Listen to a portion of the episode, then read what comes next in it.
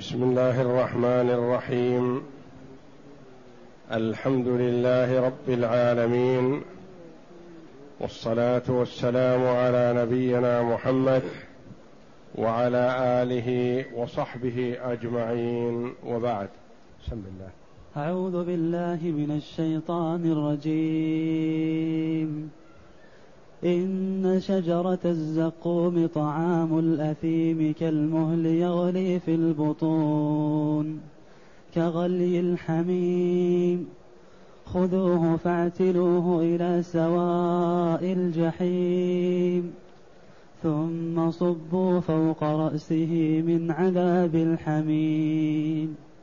ذق إنك أنت العزيز الكريم. إن هذا ما كنتم به تمترون. هذه الآيات الكريمة من سورة الدخان. جاءت بعد قوله جل وعلا وما خلقنا السماوات والأرض وما بينهما لاعبين ما خلقناهما إلا بالحق ولكن أكثرهم لا يعلمون. إن يوم الفصل ميقاتهم أجمعين. يوم لا يغني مولا عن مولا شيئا ولا هم ينصرون. إلا من رحم الله إنه هو العزيز الرحيم. إن شجرة الزقوم طعام الأثيم كالمهل كالمهل يغلي في البطون كغلي الحميم. الآيات.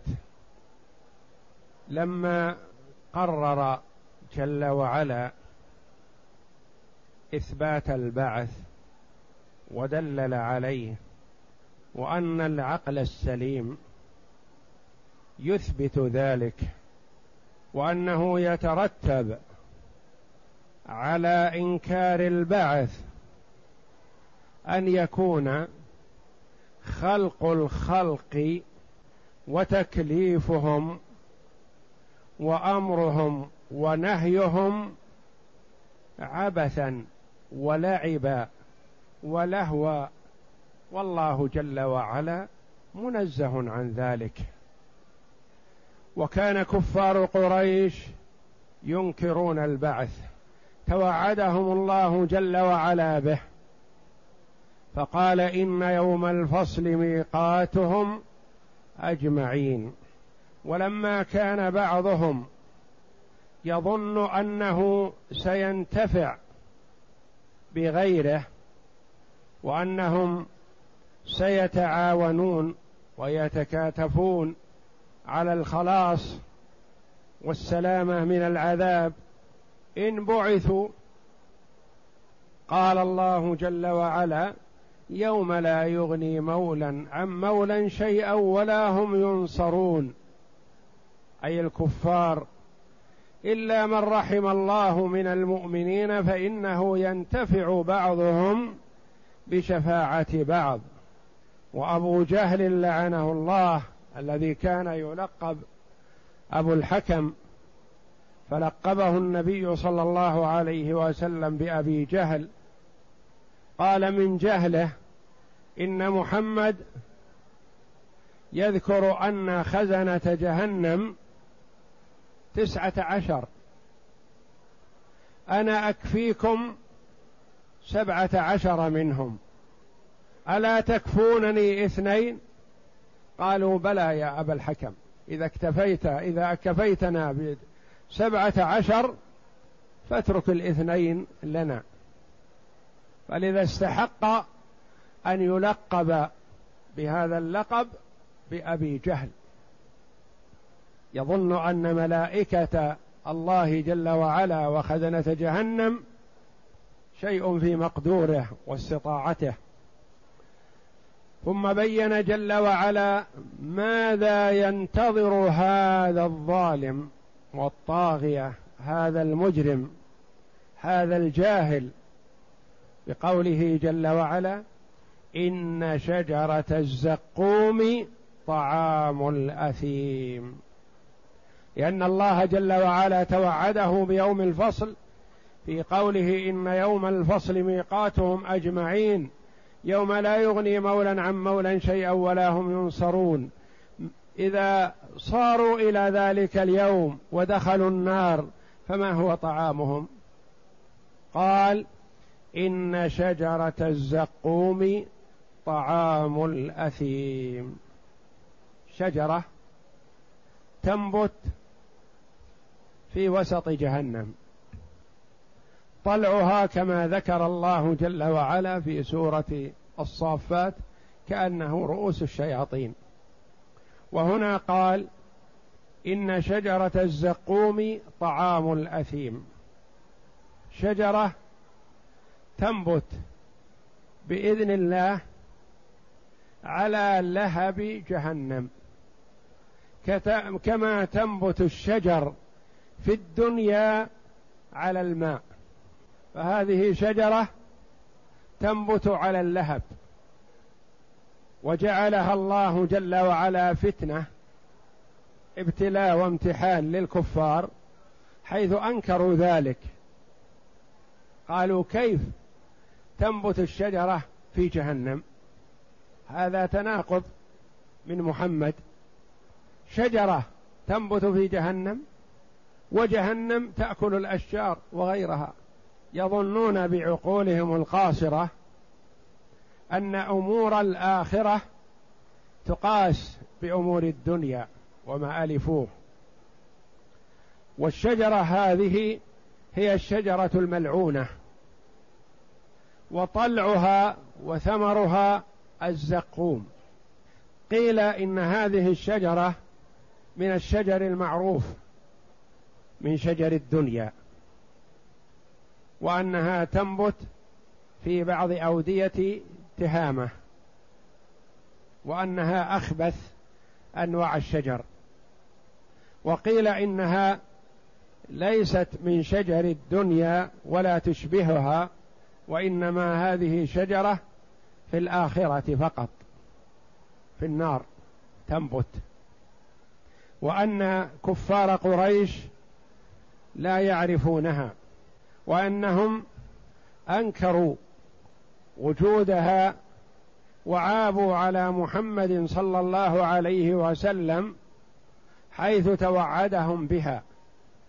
وأنهم سألوا عنها فلم يجدوها ولم يتعرفوا عليها حتى قدم عليهم شخص من إفريقيا.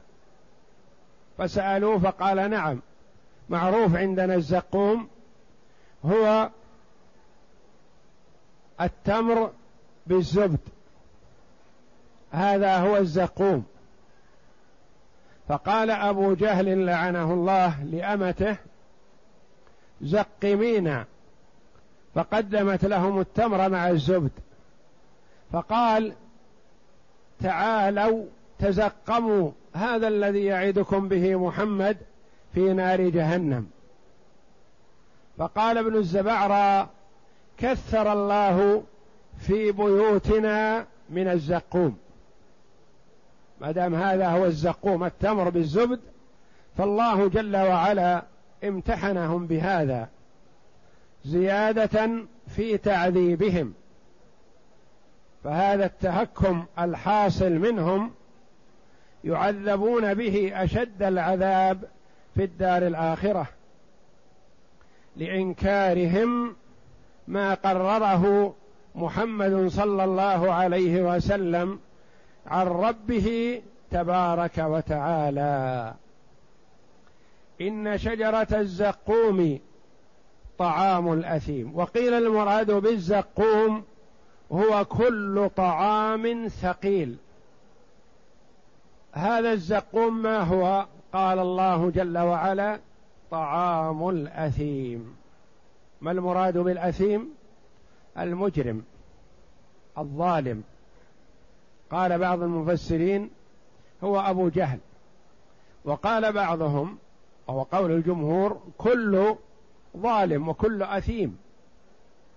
لأن العبرة بعموم اللفظ لا بخصوص السبب. وإن كان هو داخل ضمنها لكن ليس هو الأثيم وحده.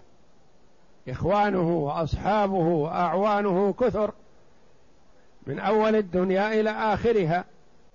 طعام الأثيم أي الآثم كثير الإثم. وطعام الأثيم هو خبر إن إن شجرة الزقوم طعام طعام الأثيم. كالمهل يغلي في البطون. كالمهل. المهل قيل هو دردي الزيت وقيل عكر القطران وقيل كل ما كل شيء إذا وضع على النار وهو ماء وسال من ذائب الحديد وذائب الفضة وذائب الذهب وذائب النحاس. وقيل هو الصديد والقيح الذي يسيل من أهل النار. وهذا خبر ثان عن شجرة الزقوم. الخبر الأول طعام الأثيم. الخبر الثاني كالمهل.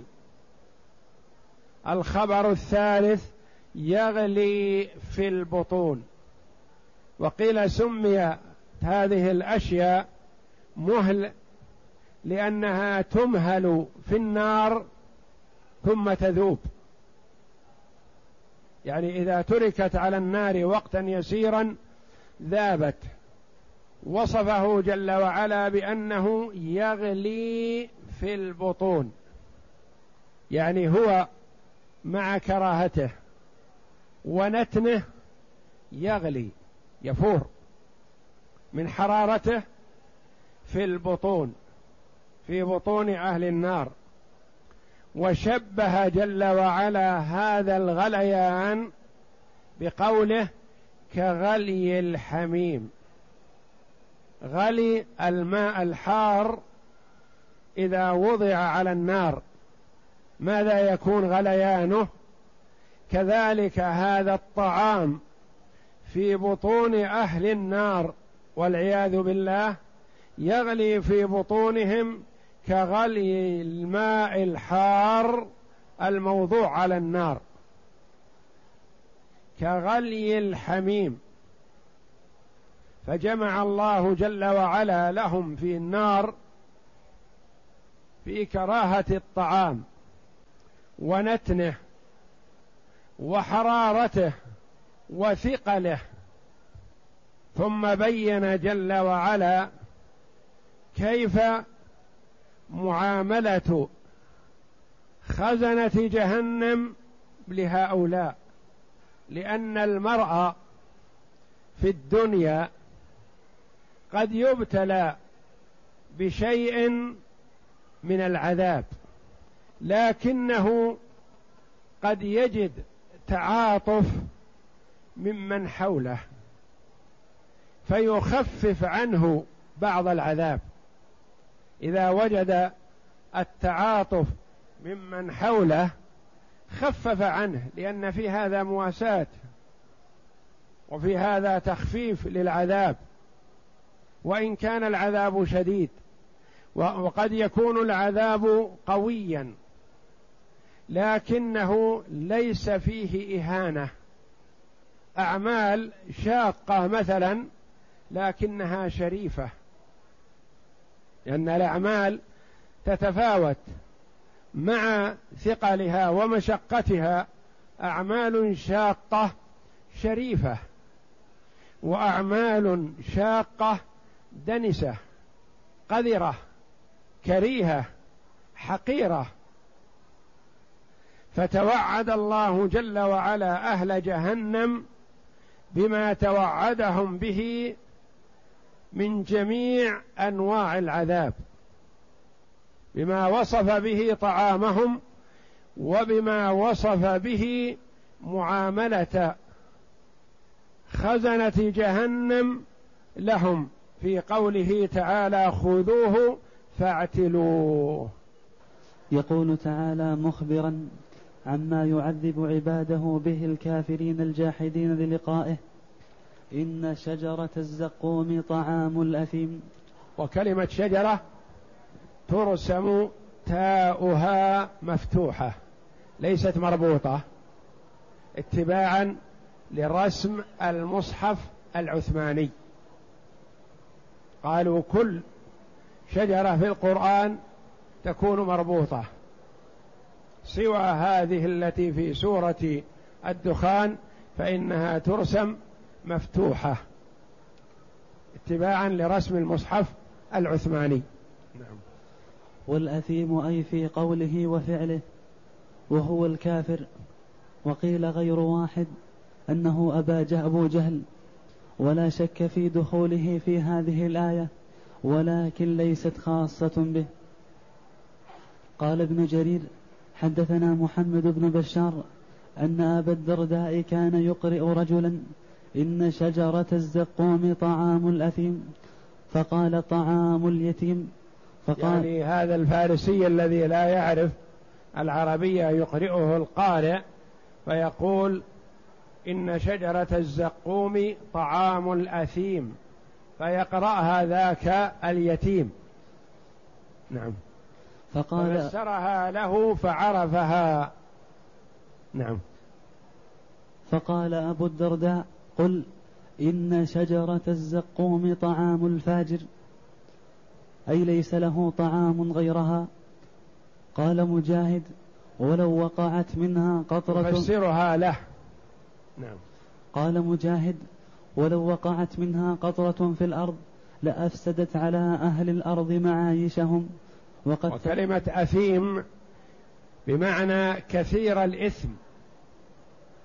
فالمرء إذا وقع في معصية ما لا يقال له أثيم حتى يكثر من الوقوع في المعاصي والظلم فيقال أثيم. نعم. كالمهل قالوا كعكر الزيت تغلي في البطون كغلي الحميم. أي في حرارتها؟ قيل ودردي الزيت وقيل عكر القطران وقيل الصديد وقيل القيح وقيل كل سائل أصله جامد إذا وضع في النار سال فإنه يقال له المهل.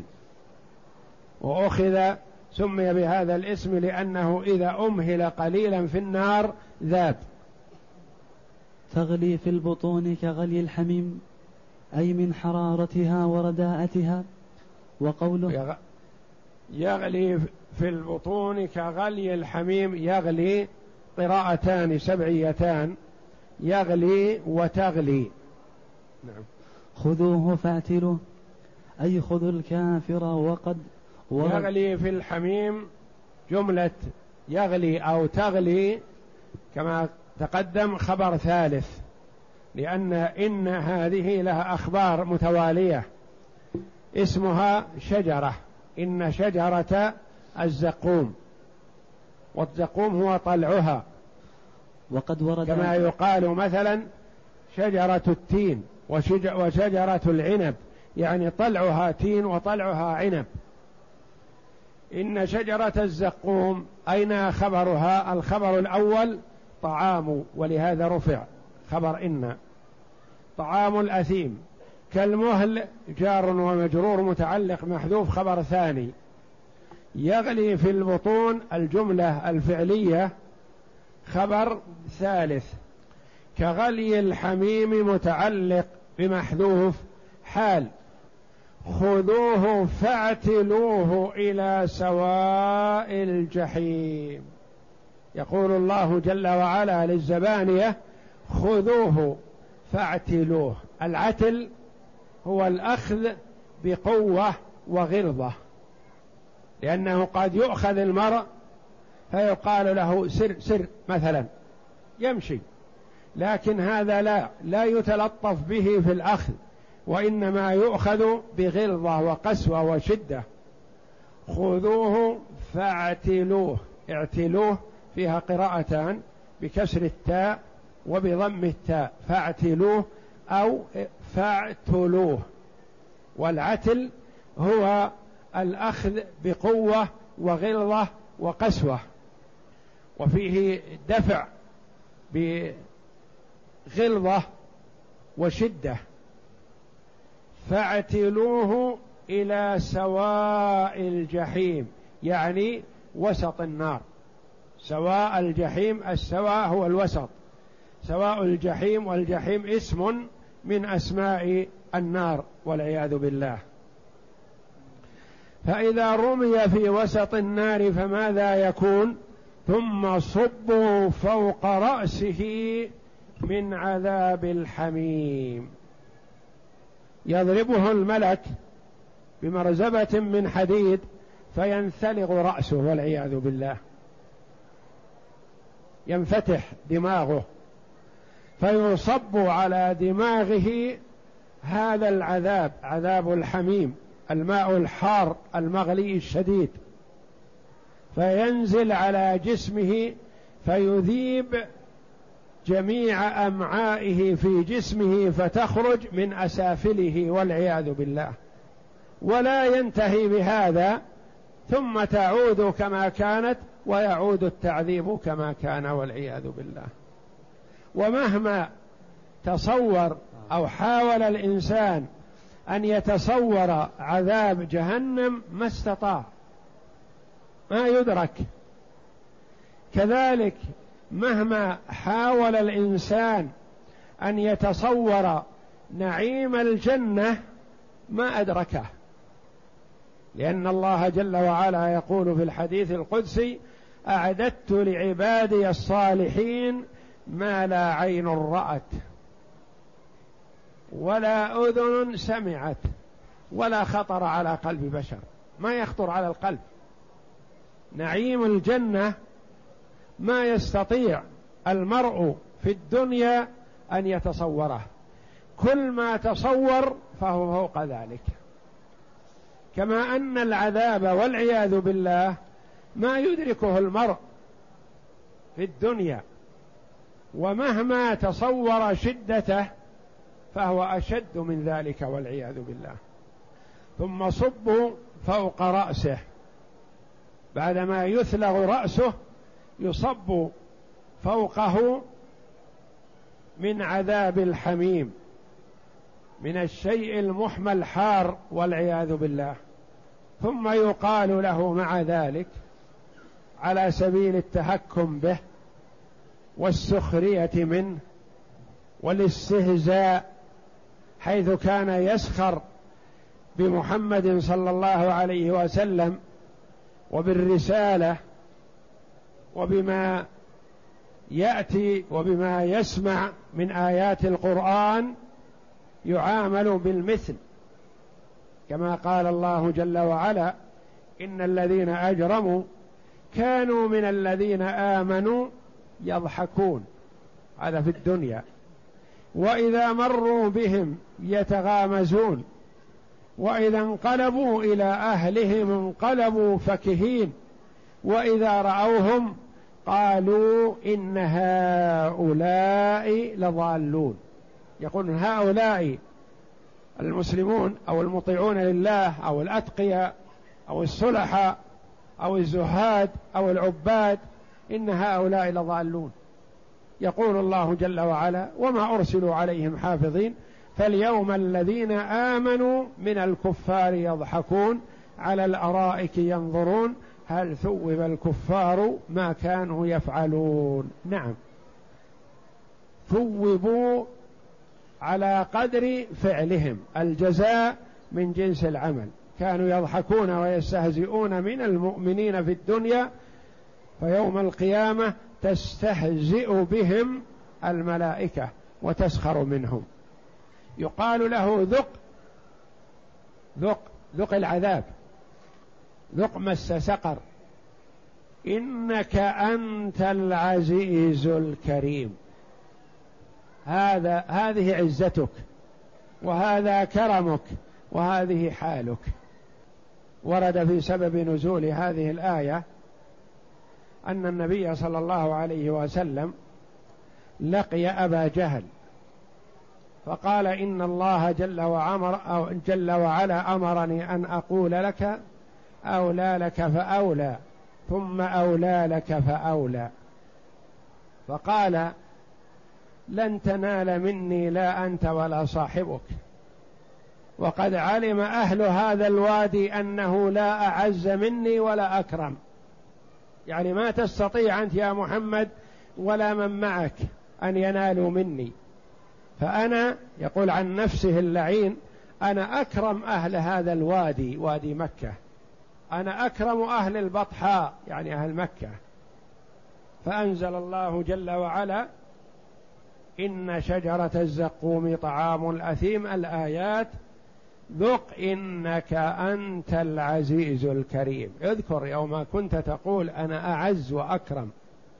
قتله الله جل وعلا شر قتله على أيدي شباب المسلمين الصلحاء ورمي في قليب بدر بالإهانة والاحتقار ثم يقال له في نار جهنم ذق العذاب إنك أنت العزيز الكريم. يعني هذا قولك عن نفسك.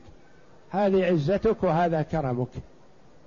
وكنت تحتقر المسلمين الصلحاء الأتقياء الذين آمنوا بمحمد صلى الله عليه وسلم وتنتخي بعزتك وكرمك وأنه لا يستطيع أحد أن ينال منك. ذق إنك أنت العزيز الكريم على سبيل السخرية وتذكيره بما قال ليندم أشد, أشد الندم. لأن المرأة إذا قال الكلمة العوجة أو الكلمة السيئة يحب أن تنسى. يتضجر ويضيق صدره إذا ذكر بها.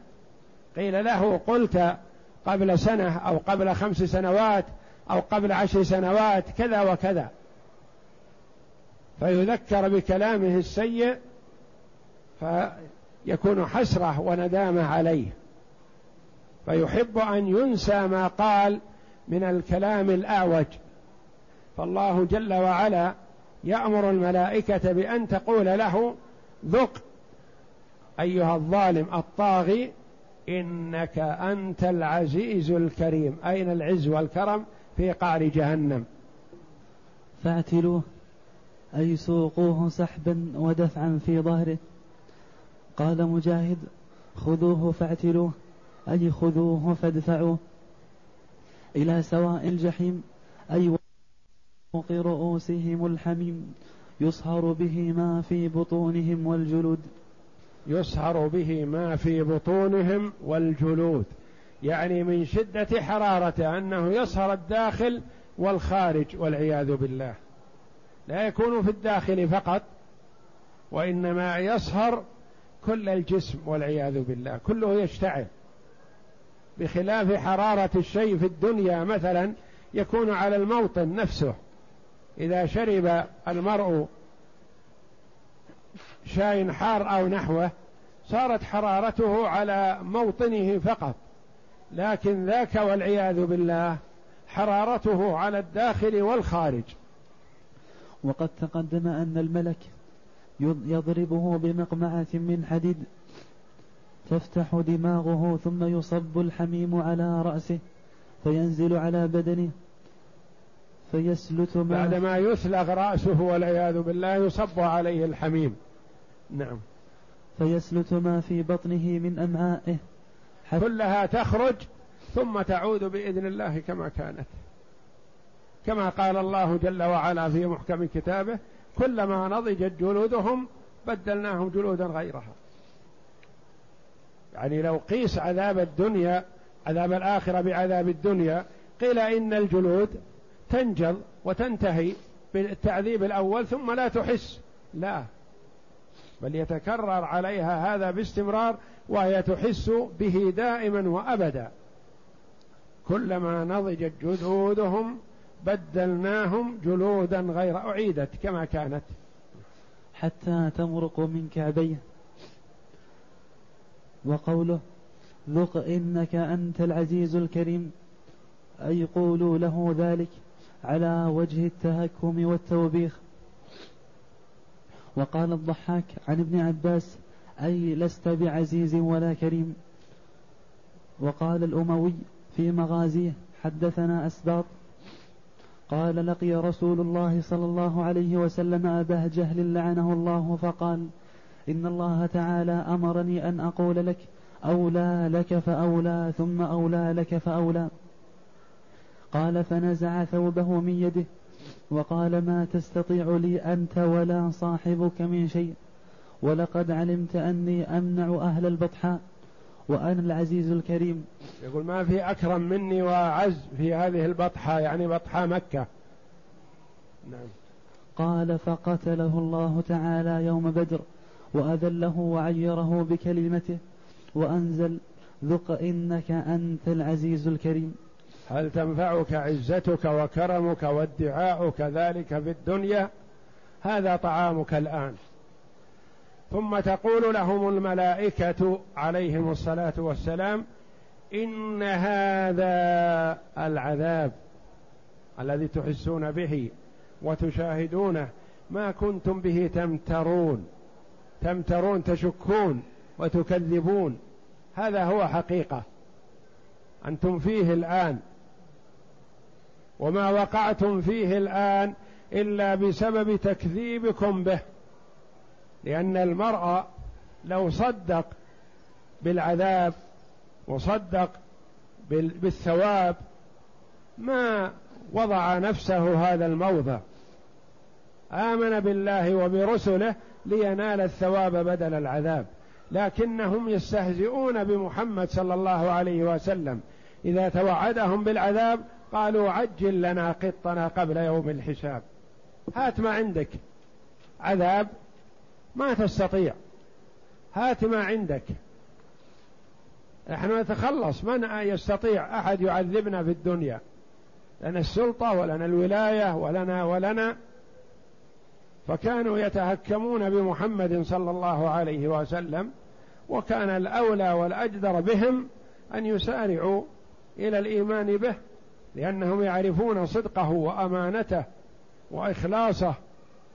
فكان الأولى والأجدر بهم أن يسارعوا إلى الإيمان به لكنهم كذبوه فتوعدهم الله جل وعلا بما توعدهم به. الذي هو واقع لا محالة يقال لهم إن هذا أي العذاب ما كنتم به تمترون الذي كنتم تشكون به وتنكرونه أو تجحدونه أو لا تؤمنون به هذا هو حقيقة. نعم. إن هذا ما كنتم به تمترون. كقوله يوم يدعون إلى نار جهنم دعا هذه النار التي كنتم بها تكذبون. أفسحر هذا أم أنتم لا تبصرون؟ ولهذا قال ها هنا إن هذا ما كنتم به تمترون. يعني قد أخبرتكم به الرسل ودعتكم إلى الإيمان بالله وتوحيده وبين ذلك لكم في الكتب وقامت عليكم الحجة. فالله جل وعلا أرسل الرسل وأنزل الكتب لإقامة الحجة على الخلق لئلا يكون للناس على الله حجة بعد الرسل.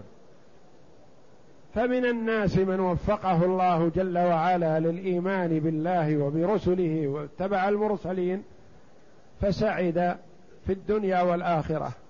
ومن الناس والعياذ بالله من لم يرفع بذلك رأسا وهم الأكثر. وإن تطع أكثر من في الأرض يضلوك عن سبيل الله.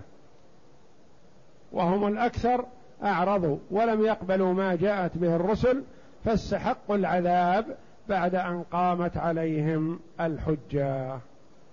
والله أعلم وصلى الله وسلم وبارك على عبده ورسول نبينا محمد وعلى آله وصحبه أجمعين.